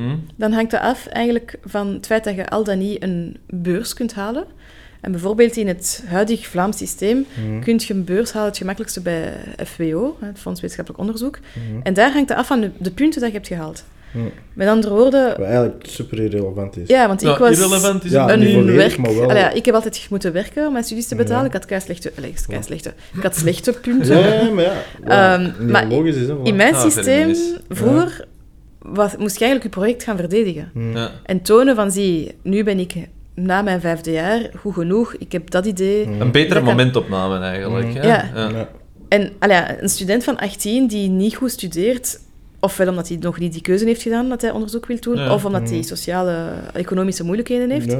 je kunt die dan toch niet afstraffen om later al dan niet Nee, nee, te dat doen. dat altijd meetelt en zo, ik vind dat wel relevant. Maar dat het een doorslaggevende factor is, Ja. vind ik helemaal En dus nu irrelevant. is dat Ja, het is- veranderd het is naar een systeem met factor, maar- enkel punten. Echt? Allee, dus we zijn er eigenlijk op achteruit gegaan, wil eraan zeggen. Het is gewoon dat een van die systemen, dat heet IWT, dat is, dat is er niet meer. Dus nu Mhm. kun je wel nog altijd twee ik soorten grants Maar dat is Dan dat zet toch je niet extreem lang, hè? Ehm, ja, toch een vijf. Oh ja, vijf. Ah, maar ik ken niemand letterlijk. Ook al zijt je een onderzoeker dat al meer dan 20 jaar in het werkveld staat, nog steeds kijken ze daar dan naar. Of... Nee, dus nu niet meer. Het is Ah, gewoon, ja, ja. ehm, als je moet starten, ja. dus een nieuwe student die een doctoraat wil doen, Ja. moet nu via dat systeem. Ah, ja, ja, ja. Dus je moet eigenlijk al aan je 17-jarige zeggen van, nu moet je beginnen punten halen voor stel Ja. dat je binnen vijf jaar onderzoek Ja, Ja, ja. Wat dat die belangrijk is. horizon op die... inderdaad. En dus ja, daar, daar heb ik ook heel veel moeite mee, want heel veel mensen, gelijk ik of een aantal van mijn collega's, zouden hier niet zijn gestaan indien dat toen dat systeem ook Ja, al ja, zo ja, was. Ja, ja. uiteraard. Ja. Nou, sunt. Ja. Sunt dat. Maar dat is een beetje zo die oversimplification dat we soms doen. Hè. Vroeger had je veel meer zo een grey ground, waar dat je dan zo Ja. mensen met common sense daarover moest laten oordelen. Ja. En vandaag proberen we alles te objectiveren. Dat is een beetje dat cijferfetischisme, waar dat zeker wel toegevoegde ja, waarde zal hebben, ja. maar dan soms ook eh, Ja. een beetje... Ja, persoonlijk tekort gaat er meer en meer uit. Hè. Dat ziet je overal. Nu, misschien op een Ja. vraag. ehm, omdat je zelf zo diep in een aantal eh, wetenschappelijke thematieken zit, is er de afgelopen jaren voor jezelf zo iets gebeurd, dat hoeft zeker niet in je eigen onderzoek te zijn, eh, dat je dan wel groundbreaking vond? Misschien was het dan niet per se voor de wereld, maar, of misschien wel, maar Ja, je zegt van, ah, stoer. dat, dat is moeilijk, hè? Want dat is Ja, zo de dingen dat ik zo vanavond ga kunnen zeggen, ah ja, er was dat en dat Ah, dat. ja. Maar gewoon iets, het hoeft Maar niet wat te dat zijn. maar- qua veld... ja. ehm, dus ja, er is een, een, een techniek, dat heet single-cell RNA sequencing. Ehm, dus dat, dat is eigenlijk een methode waarmee dat, ehm, je eigenlijk in een bepaald orgaan, ik zeg zo maar Mhm. iets, hè, uw lever, eh, of, of weet ik veel, Mhm. voor elke cel Mhm. kan kijken van wat wordt er allemaal qua genen, dus qua genetisch materiaal, uitgedrukt in je cellen. En dan kun je daardoor ook gaan kijken van eh, welke eiwitten eh, ja, drukken al die cellen uit. Ja. Ja. En dan kun je eigenlijk via bioinformatica die cellen gaan clusteren. Dus kan ik exact weten van oké, in uw lever hadden we gepakt, Mhm. zijn er die en die en die soorten cellen. Dat zijn degenen die ze uitdrukken. Ehm, dus je hebt misschien dat probleem of dat Ja. probleem. Ja. En nu kun je dat zelf zo spatially doen. Dus je Ja. kunt eigenlijk je- een, een, zo een Wat? slice, alleen een, Ja. een stukje nemen van je lever en eigenlijk dat ook gewoon zien. Ja. En dat zijn zo dingen die tien jaar geleden volledig ondenkbaar waren. Mhm. Al ja, 15 jaar geleden ondenkbaar. Tien jaar geleden was dat volledig onbetaalbaar en nu doet elk labo dat. Ja, Ja. ja, ja, maar dat is enorm. Dat is- Standaardprocedure eigenlijk. Ja. Het is nog altijd heel duur, Ja. maar het aantal data dat je nu kunt krijgen is, Ja. is Maar Ja, dat, onwaarschijnlijk. gaat, maar dat gaat de komende Ja. tientallen jaren toch nog ex- exponentieel... Ja, langs de andere kant, we genereren zoveel data. Ja. Dat is heel Ik wou net zeggen, kostelijk qua server capacity en zo. Dat, dat zijn zo de vragen waar dat we zo niet te veel over nadenken. ja, en open ja. vraag. Maar toch... Ehm, maakt ons Ja. dat eh, in zekere mate ook dommer. In die zin dat we natuurlijk in een soort van tijdperk leven waarin dat AI bijna het sleutelwoord is in alles. Maar waarin dat we toch Ja. soms moeten toegeven dat we niet altijd snappen hoe, je- hoe dat AI zelf redeneert. En waarbij dat we zoveel data hebben, dat vroeger had je... Vroeger, oké, ik ga even het verleden romantiseren. Vroeger had je een beetje dan iets van meer eh, de noeste onderzoeker die jaren werkt aan iets om iets helemaal goed te krijgen, wat je vandaag letterlijk op de dag kunt door computing Ja. power. Maar waarin er wel zoveel data op ons afgekomen dat we per definitie een filter erop gaan moeten installeren, wat dan vandaag de dag AI noemt, die dat al een beetje gaat voorselecteren Ja. of voorkouwen voor ons, maar waardoor dat we eigenlijk al werken op geïnterpreteerde data, terwijl dat we helaas, of eigenlijk stoer genoeg, eigenlijk zoveel data net ter beschikking hebben. Dus per definitie zouden we meer diepgang dan ooit kunnen creëren, maar Ja. eigenlijk, omdat ons hersen ja, ook Nou, maar zoveel zaken aan is, kan, ja. gaan we reduceren aan een aantal simplifying items. Ik, ik, ik denk persoonlijk, Ja, maar echt mijn puur persoonlijke maar mening, dat in het algemeen de, de mensheid misschien niet per se dommer, maar luier Oh wordt. ja, ja, 100 ja, maar je hebt nog altijd mensen die volledig uitblinken. Maar bijvoorbeeld Uiteraard. onlangs was er iets van, ik weet niet meer wat dat was, een een of andere ruimte, iets, Ja? dat gebouwd was in de jaren 70, dat ze nu gewoon niet meer konden Ja. herstellen, omdat ze niemand meer hebben die dat kan. Ja. Terwijl dat je zou denken, allee, zo, dat zou We staan verder dan ooit. Hè. Maar ik denk dat het is niet enkel door de data, maar ook door de opvoeding. Mhm. Als ik nu, als mijn kinderen mij een vraag stellen, dan ga ik nooit het antwoord geven. Ik ga eerst zeggen van, denk eens na. Goeie, goeie antwoord. Marie. Maar- Ja, absoluut. Want ik, allee, ik merk dat bij mezelf. Hè. Ik, stel mij, ik stel mij een vraag, ah, Wikipedia, Ja, Google. ja, we zoeken het direct op. Ah ja, en ik ga er niet eens bij nadenken. Mhm. En, en als je nadenkt, heb je zoveel andere manieren van Mhm. die vraag te beantwoorden, die misschien interessanter zijn dan... en zo. Ja.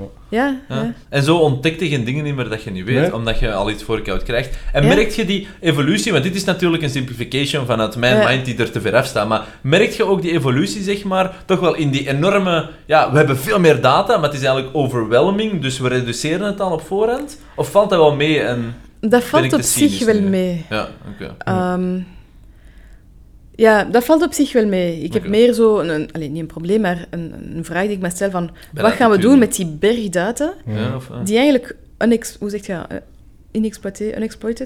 Ehm, ja, die daar blijft waar- liggen, bij wijze van waar dat, spreken, want hè, bijvoorbeeld als ik zo die enorme dataset genereer, ja. ik ben bijvoorbeeld geïnteresseerd in mijn dendrietcellen. En Ja. ik ga daar naar en met kijken. 1% Ja, ja, ja. van die data. En heel de rest van de data ga ik misschien niet bekijken door geen Mhm. tijd. Of, Ja. Ja. Maar die data is er wel. Ja. En die is nuttig voor een En Maar zijn we die vandaag niet ter beschikking aan het stellen in eh Ja, grotere is dat, modellen? is dat dan niet zo wat Ja. open source gegeven Ja. van de academische wereld? En wel, En dat zou moeten. Google dat Ah, niet? maar dat is er niet. Nee, Google allee, niet, maar. niet. Maar, maar dat, dat is moeilijk, want ehm, ja, er zijn nog altijd verschillende soorten technieken om die data's te genereren. Ja. Dus je bioinformatics tools zijn ook een beetje anders om die te analyseren. Ja. Meeste, dus als je eens dat je gepubliceerd hebt, dan moet je die data ook ter beschikking stellen. Mhm. Maar om die dan hè, ten eerste access toe te krijgen, Ja. en ofwel moet je die downloaden, ofwel moet die persoon iets hebben gemaakt waar dat Mhm. je access krijgt, die weer te filteren, te pre-processen, Mhm. dat vraagt een enorme capaciteit. En misschien gaat dat later, en dat is zo'n beetje de droom, dat je zou een dataset Ja. genereren, je zet dat open, dat wordt geïntegreerd in zo de atlas van alle data. ja. Maar die droom lijkt mij waar. nu heel ver. Ook omdat de, de kost van data, dat is iets dat wij nu volledig onderschatten. Hm. Eigenlijk het feit dat je zegt van ah, een mail sturen, de kost dat dat Ja. met zich meebrengt, Mhm. is iets dat waar dat wij totaal niet aan denken. Mhm. Ja. De, de power en server Mhm. kost. Ja, ja, Mhm. ja, nee, nee, maar very fair. Maar je zou toch denken dat dan- de crypto mining, hè? dat kost ook allemaal Ja. dingen. Ja, maar je zou Ja. toch denken, als ergens publiek geld naartoe gaat, dan is het vooral ook waar ons publiek geld naartoe is gegaan. Zorg ervoor dat die, dat, dat niet ergens eh, onder een stoffen kast terechtkomt. Om Ja, het, maar eh, het is zo- een bedoeling, hè? En, Ja. en Ja, ja. maar- Ze hebben allemaal goede bedoelingen, maar Maar de bedoeling, daar hebben we het allemaal moet niks. er Ja. nog van komen. Mhm, mhm. En misschien, als je mij binnen tien jaar nog uitnodigt, ga ik een ander verhaal Ja, maar hopelijk. Hè. Ja. En ik veronderstel wel dat we er naartoe gaan gaan. Maar je merkt toch altijd wel, zeker als je zo'n ding, als je dat in de field meemaakt, ja. dat, eh, dat we daar En ook ik- nog ver van staan. En Ja. inderdaad, om dat niet direct open source en, en zomaar downloadbaar te maken, want dat, dat is wat het die computing power vereist, kunnen dan niet zo, zo een beetje een inhoudstabel gewoon online smijten, bij wijze van spreken. Dat mensen kunnen zien, ah oké, die heeft die data, die bekijkt enkel dat, maar Ja. ik kan dat wel hebben. Dus kunnen we gewoon even tak tak en dan specifiek die data transfer gaan doen. Of is dat... Ja, wel, ja, er zijn dus hè, veel groepen, en wij proberen dat ook te doen, als je een dataset hebt, Ja. een soort tool online te zetten, Ja. waar dat je dus heel eenvoudig kunt kijken Ja, in de data van anderen. Ja, ja, Ja. ja. En dat werkt, maar zo'n tool maken kost ook heel veel geld. Ja. En power, want je moet dan een server hebben om dat te laten Ja. draaien. En dan Ja, blijft de vraag van, ook, is het gemakkelijker om die data te gebruiken, Mhm. of is het gemakkelijker om je eigen data te genereren, Ja, wat, dat- wat op zich belachelijk is. Hè? Ja, Toch? ja, ja. Maar ja, daar zitten we nu. ja, Hm. oké. Oké.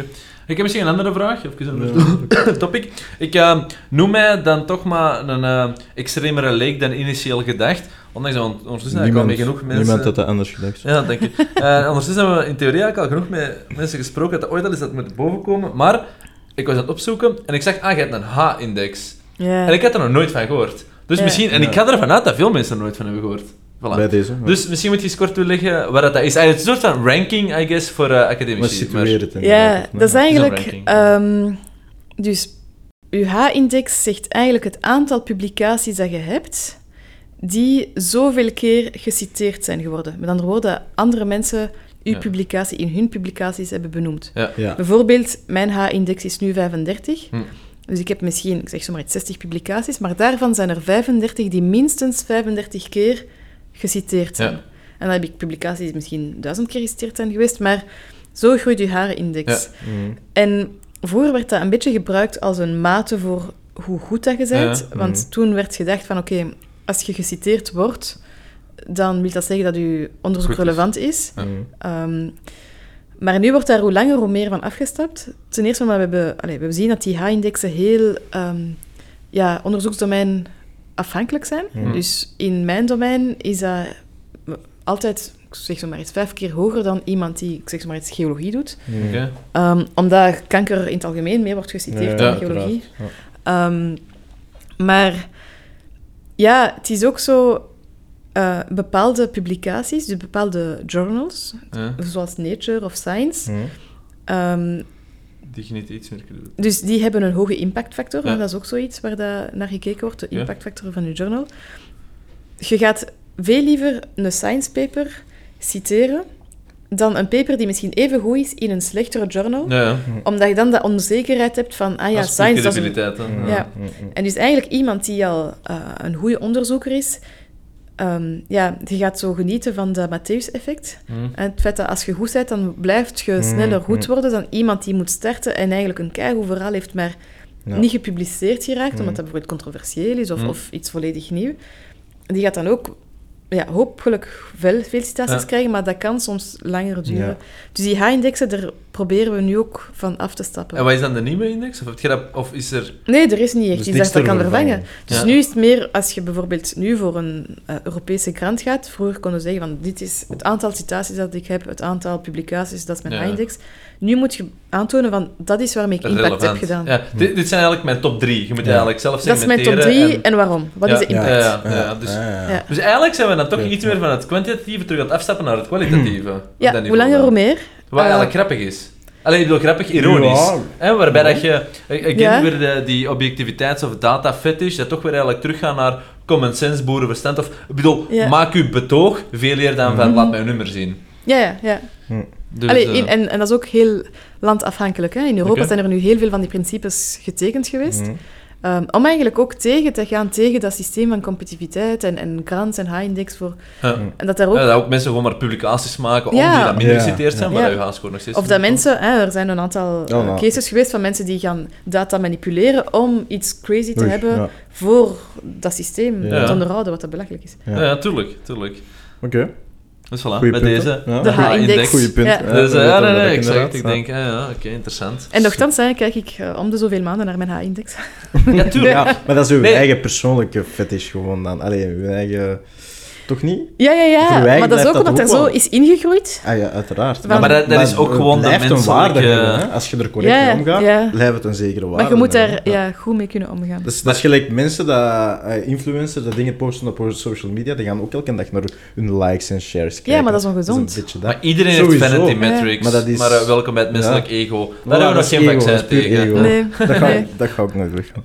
Ja, ja, helaas. Maar het komt ons ook allemaal ten goede. Hè? Want ego is uiteindelijk ook wel iets goed, denk ik. Hè? Want per definitie drijft het u om zo van die risicovolle onderzoeken te doen, waarin Ja. je denkt van, ik wil dit ontdekken, ik wil dat doen. En daar moet je een beetje assertief voor zijn en denken van, ik kan iets. Hè? Anders begint je daar niet aan. Sowieso. Ja. Dus, ehm nee, nee. Eh, we hadden het misschien voor de podcast ook heel, heel even over, maar altijd interessant om te zien, omdat ik ook weer denk dat veel mensen daar niet mee in aanraking komen.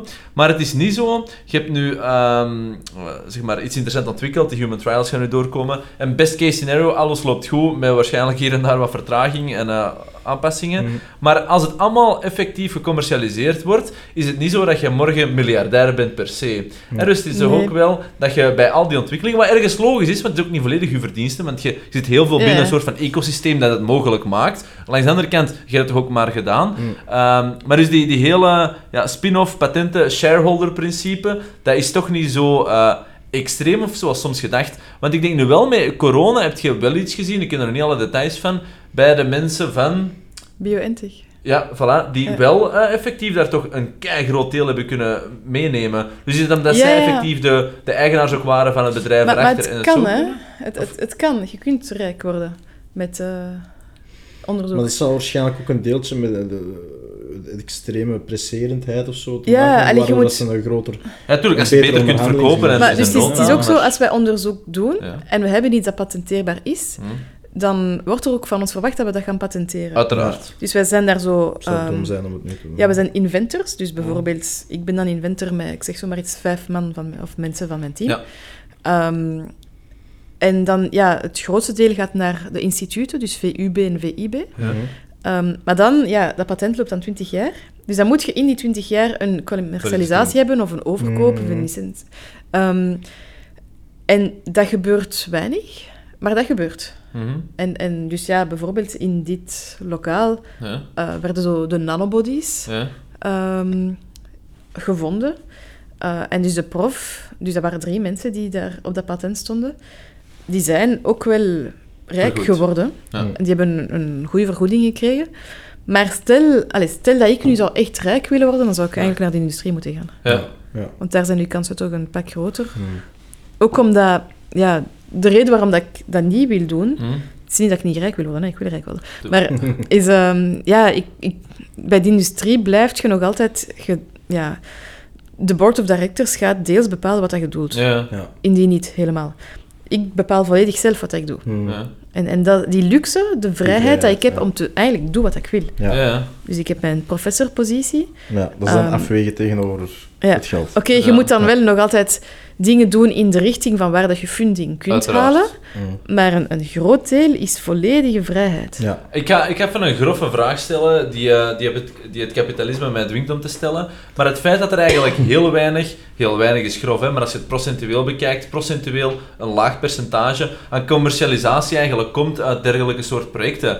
Is het dan goed of slecht? Je kunt dat niet beantwoorden, maar is dat dan, zou, zou er eigenlijk niet meer gecommercieeld moeten worden, omdat eigenlijk wat we creëren zo relevant is? Hmm. Ehm, We hebben het er juist straks gehad over, oh, er juist straks, over dat fundamenteel onderzoek. hè. Dus dat deels... eh, ja, maar eh, ik weet niet of dat, dat waar is dat er zo weinig wordt gecommercialiseerd. Oké, ja, ik, ik weet In de niet... zin dat er zijn, er zijn ook heel veel collaboraties tussen industrie Ja. en academisch onderzoek. Hmm. Oké, een deel onderzoek wordt volledig in de industrie gedaan. Maar heel veel, eh, bijvoorbeeld farmabedrijven, Hm. Als je dan kijkt van waar komt de ontdekking van, komt uit de academische wereld. Hmm. En dus is het niet per se waar dat er maar zo weinig Ah. Oké, maar dat is interessant. Eigenlijk als je dan zegt inderdaad, van als we kijken naar de markt versus terug en naar eh, ja, het onderzoekslab dat vaak en meer vanuit overheidsinstellingen in de breedste term eh, komt, dan is dat groot. Maar is daarom, zeg maar, van alles wat ontwikkeld en onderzocht en gepatenteerd wordt binnen een onderzoeksinstelling, wordt, hoeveel gaat daar naar de industrie? Dat is een klein percentage. Ja, dat weet ik niet. En Ja, ja, dat zal waarschijnlijk ja, af, echt afhankelijk zijn van uw onderzoeksdomein. Maar ja, per definitie, goed En moet onderzoek alles naar de industrie gaan? Ah, ja, dat is... ah, wel, Want sommige dingen gaan gewoon naar de burger zonder per se naar de industrie te gaan. En wat betekent... eh, Dat is gewoon kennis dan. Kennis. Bijvoorbeeld iemand die eh, klimaatonderzoek doet Oh. en een nieuw model eh, heeft ontworpen voor het weer, die gaat dat dan misschien verkopen aan, ik weet niet meer, allez, KMI of weet ik veel. Die gaat er niet zoveel voor krijgen. Hmm. Maar plots gaat misschien heel België een beter eh weerpredictie krijgen. Ja. Allee, want Ja. Nee, nee, ik snap het. De impact kan ook veel meer zijn dan een gecommercialiseerd Ja. product. Ja. kennis is, is veel belangrijker, Kennis denk ik, dan die... Ja. Zijn we slimmer geworden? In de afgelopen jaren. Want kennis is macht. per def- Iedereen heeft Google. Wij weten alles. Er heeft nog nooit Ja, iemand zoveel toegang gehad tot alle er mogelijke... Wij, wij weten eh, meer. kennis. Ja, maar... Allee, Hmm. we, we weten meer, Maar- want de data hoopt op, maar zijn Ja, we we hebben meer kennis, maar kunnen we beter verbindingen maken. Dat denk ik. Oh ja, maar dat, dat weet ik niet, dat moet die, gaan een... Ja. Nee, maar ik vraag me gewoon ook af van ons onderzoek op zich, zoals je straks zei, dat wordt wel specifieker en specifieker, meer detail en detail en interessanter en interessanter daardoor, want eh, je leert per definitie, eh, of je bent toch altijd volgens mij verbaasd dan over hoe dat alles toch weer al Ja. werkt. Ja. Maar langs de andere kant, zoals je straks zei, die groundbreakingness is, eh, is minder en minder, maar is het dan omdat de low-hanging fruit per definitie al ontdekt is, of is dat, dat... dat denk ik niet. Nee. Ehm, nee, ik denk gewoon dat er nu... Allee, ik heb heel veel last van de versnelling van alles. Eh, de- wat betekent dat? Of wat wil Ah, je zeggen? High-paced society. Ja, En dat alles- stoort u? Of de... dat stoort mij enorm. Hmm. Nou, ik snap dat. Ook bijvoorbeeld, eh, gezegd zijn we slimmer geworden.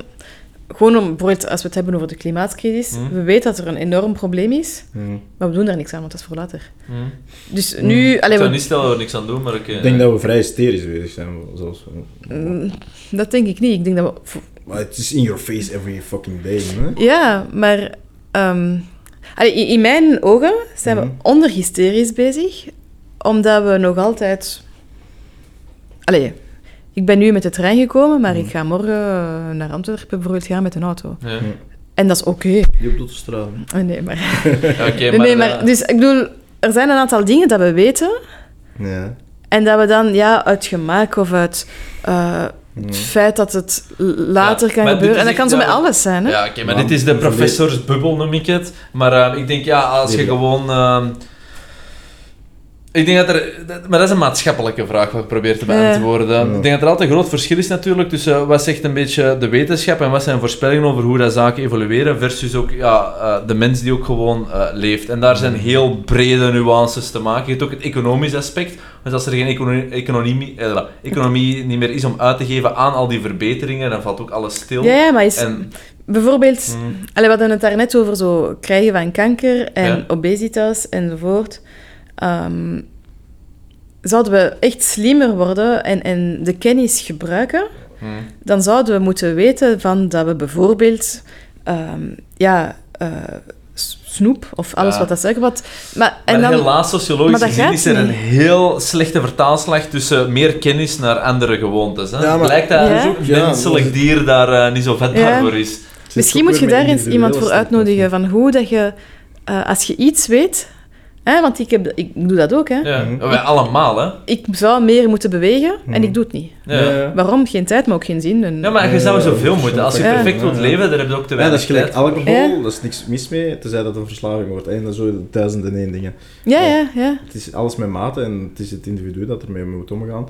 Ja, dat dan natuurlijk gepusht wordt door de maatschappij of niet. Hè. Dus ja. Ja, en, en dan je vraag van, hoe bepaalt je slimheid? Want je Ja. hebt verschillende soorten slimheden. Ja, ja, je hebt Blijkt, je eh, dat is eigenlijk, hangt er wel af van je doel. Maar, eh, maar IQ blijkt echt wel een goede metric te zijn dat we ooit Ja, hebben ontwikkeld. Maar Want dat de voorspelbaarheid Ja, naar nee, een aantal... mega hoog IQ heeft, heeft dan weer keihard sociale... Ja, nee, nee, maar ik Ja. bedoel, de voorspelbaarheid dat je kunt eh, creëren rond IQ naar een aantal zaken qua beroep of mogelijkheden, het Mhm. blijkt wel hoog te zijn. Maar je, je probeert opnieuw de vraag te stellen van wat is goed of slecht. Oh ja, maar hangt we- ook weer vanaf in welke tijdzin dat je zit. Want je, daar juist hebben we het besproken, je hebt een paar geniale mensen zitten, die dat dan Ah ja. super slim, super Die hebben een heel laag maar dan EQ. bijvoorbeeld hè, Ja. eh, EQ inderdaad super weinig scoren, waardoor ze dan hè, de funding niet Ja. kunnen krijgen. Waardoor dat misschien iets baanbrekend, wat dat die mensen dat de funding zouden geven, misschien zoveel te goede zou komen, niet eens kunnen bereiken. Ja, maar dat is Dus al vaak hangt- getoond. Ja, voilà. De- Ja. de- er is een IQ-cut-off, ik weet niet waar het in ligt, ik denk 120 of zo zelfs, waarbij als je daar voorbij gaat, Mhm. zakt je loon. Hm. Dat is gewoon zo. Ja. Niet per se je loon, maar gewoon, dan zit je net inderdaad waarschijnlijk Hm. op die valreep dat je iets te diep gaat in Ja, die specifiek en niet meer de bredere skillet Ja. voor dan Nee, nee, funding, waardoor dat je niet volledig gewaardeerd wordt naar wat dat je eigenlijk delivert. Dat is wel anders. Maar ja, welkom to society. Iedereen zou wel iets Tuurlijk, hebben. Hè. ja. Maar, eh, maar wat was Ehm. eigenlijk een beetje de originele insteek? Want u had het over het klimaat, maar wat was mijn vraag ervoor? Wat dat... Of dat wij slimmer werden. Ah, ja, ja, ja. Denk ik. Ah, ja. En, Ja. ja. en u gaf aan dan van... ehm, ja, blijkt toch dat we inderdaad niet Ah, allemaal of de nee, keuzes kennis. maken. Ja, ik weet niet meer. In functie van de kennis, ik wil het ook niet meer. Ja. Dus met die vrij. Ik ga een nieuwe vraag stellen. Ehm, We zijn ook met je zet dus, ja, voilà, we zijn wel richting einde. En eh, ik denk dat, we, dat ik voorbij spreek, maar correct me if I'm wrong, maar dat we inderdaad vandaag in, zo in de maatschappij zitten dat veel te hard is gericht op dat korte termijn denken. Ja. Jij zit nu net in een veld waar dat, dat niet van toepassing is, dat je echt wel op lange termijn zit. Zijn er zo, omdat dat echt wel ja, je leven is, zijn er zo dingen, tools, tips of whatever dat je society kunt geven Goh. om, om, om dat toch iets meer terug op de voorgrond te brengen? Of, ja, Ja, ik, ik, ben, ik moet eerlijk zeggen, ik ben daar eigenlijk niet zo goed in. Oké. Want ik heb zelf heel, allee, heel veel. Ik heb een aantal problemen met mijn evenwicht te zoeken in mijn leven. Zo, hè. Ik ben nog Mhm. Niet op de harmonie. Ja. Ja. Ja, maar, maar dat delen we waarschijnlijk allemaal. Ja. Maar dus ik probeer daar wel aan te werken. Ja. Ehm, ik probeer ook gewoon zo tijd te nemen om te denken. Hm. Dus ik heb Goeie zo keuze. in mijn bureau, dus thuis, hè, want ik probeer ook zo minstens één dag per week thuis te werken, wat dan meestal niet lukt, maar heb ik zo een groot bord staan waaruit erop staat van mijn eerste prioriteit is niks doen en denken. Hm. En zolang dat je dat als wetenschapper niet beseft van het belangrijkste dat je moet doen is gewoon in je tuin gaan zitten en de tijd nemen om te denken, Ja, even recap. dan zijn je eigenlijk een slechte wetenschapper. Ja, maar dat is zo. Want er is een heel sterke link, wij nu onderbreken misschien een beetje, maar dat is wel effectief tussen... Wij krijgen zoveel informatie, overload, zoveel informatie op ons af, dat wij zelden in staat zijn om afstand te nemen van nieuwe informatie en een assimilatie doen tussen bestaande informatie. En daar is net creativiteit. Gewoon eens, wat is er? En daar gewoon eens wat Ja, gekke is verbindingen beetje- laten maken en daar idee. Maar ik, en wel, ik moet Het is zeggen... tijd om te formateren. Hè, Ik ben, ik ben de laatste tijd kei gestrest. Ik word er vaak gestrest van. Als ik te veel ben aan het doen en te weinig tijd heb om te zitten, dat dat even gewoon kan zetten Ja. en dat er sowieso een aantal interessante connecties kunnen Maar dus wat maken. ik ook wel doe, Huh? allee, als tip dan, Ja, nee, eh, ik doe zo twee keer per eh, dag ademhalingsoefeningen. Ah, ja, ja, ik heb het geprobeerd. Eh, Vijf minuten. Je moet daarvoor zijn, hè. dat werkt niet bij Mhm. iedereen. Ehm, Nee, dat werkt sowieso voor iedereen, maar het is gewoon ik had Dead Space. Ik ging zo interessant, 10 hè. minuten wandelen en dan mocht ik Ja. niks doen. Ja, ja. Geen muziek. En dan belde hij mij vaak. Of, of dus- bijvoorbeeld zo alternatief meeten. Dus hè, we hebben heel veel vergaderingen, Ja. Maar soms een keer zeggen van oké, we gaan allemaal buiten meeten.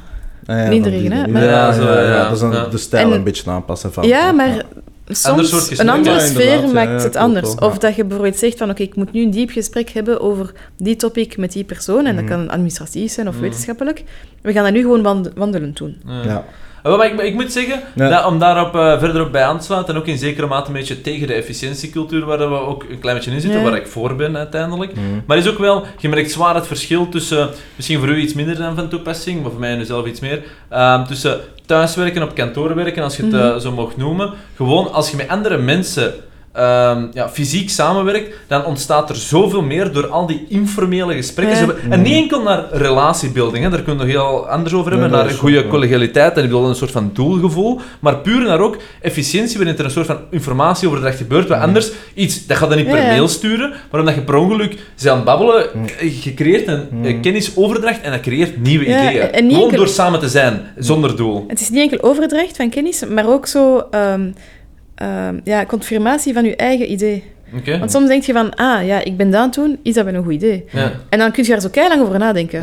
Mm. Maar als je dat deelt met iemand, zegt van, ah ja, kijk, goed idee, oké, dan zijn we weer verder. Ja, ja, ja, en dat doe je dan soms en- niet als je, als je een drempel hebt van Ja, ik moet hier voor een meeting Ja. opzetten. Ja, ja. Ja. Ja, dat is zo. Eh, misschien open vraag dan. Eh, los van het feit dat je momenten creëert om even te kunnen nadenken, hebt u ook, ehm, of sorry, hebt jij ehm, ook een aantal ehm, eh, ja, concepten met je team waarin dat je dat probeert te creëren, zo van die Hmm. creatievere momenten, dat Ja. we nu eens gaan nadenken over groundbreaking eh, stuff te doen. Ja, dus we hebben zo ehm, een aantal keer per jaar, dus drie keer per jaar, hebben ze een brainstorming dag. Ja? Mhm. eh, waar dat één persoon of twee personen van mijn team, dus we zijn met, met 12, 14, Hm. Ehm, Oh, zegt van, dit is het idee. ja, maar dat, dat wisselt, hè.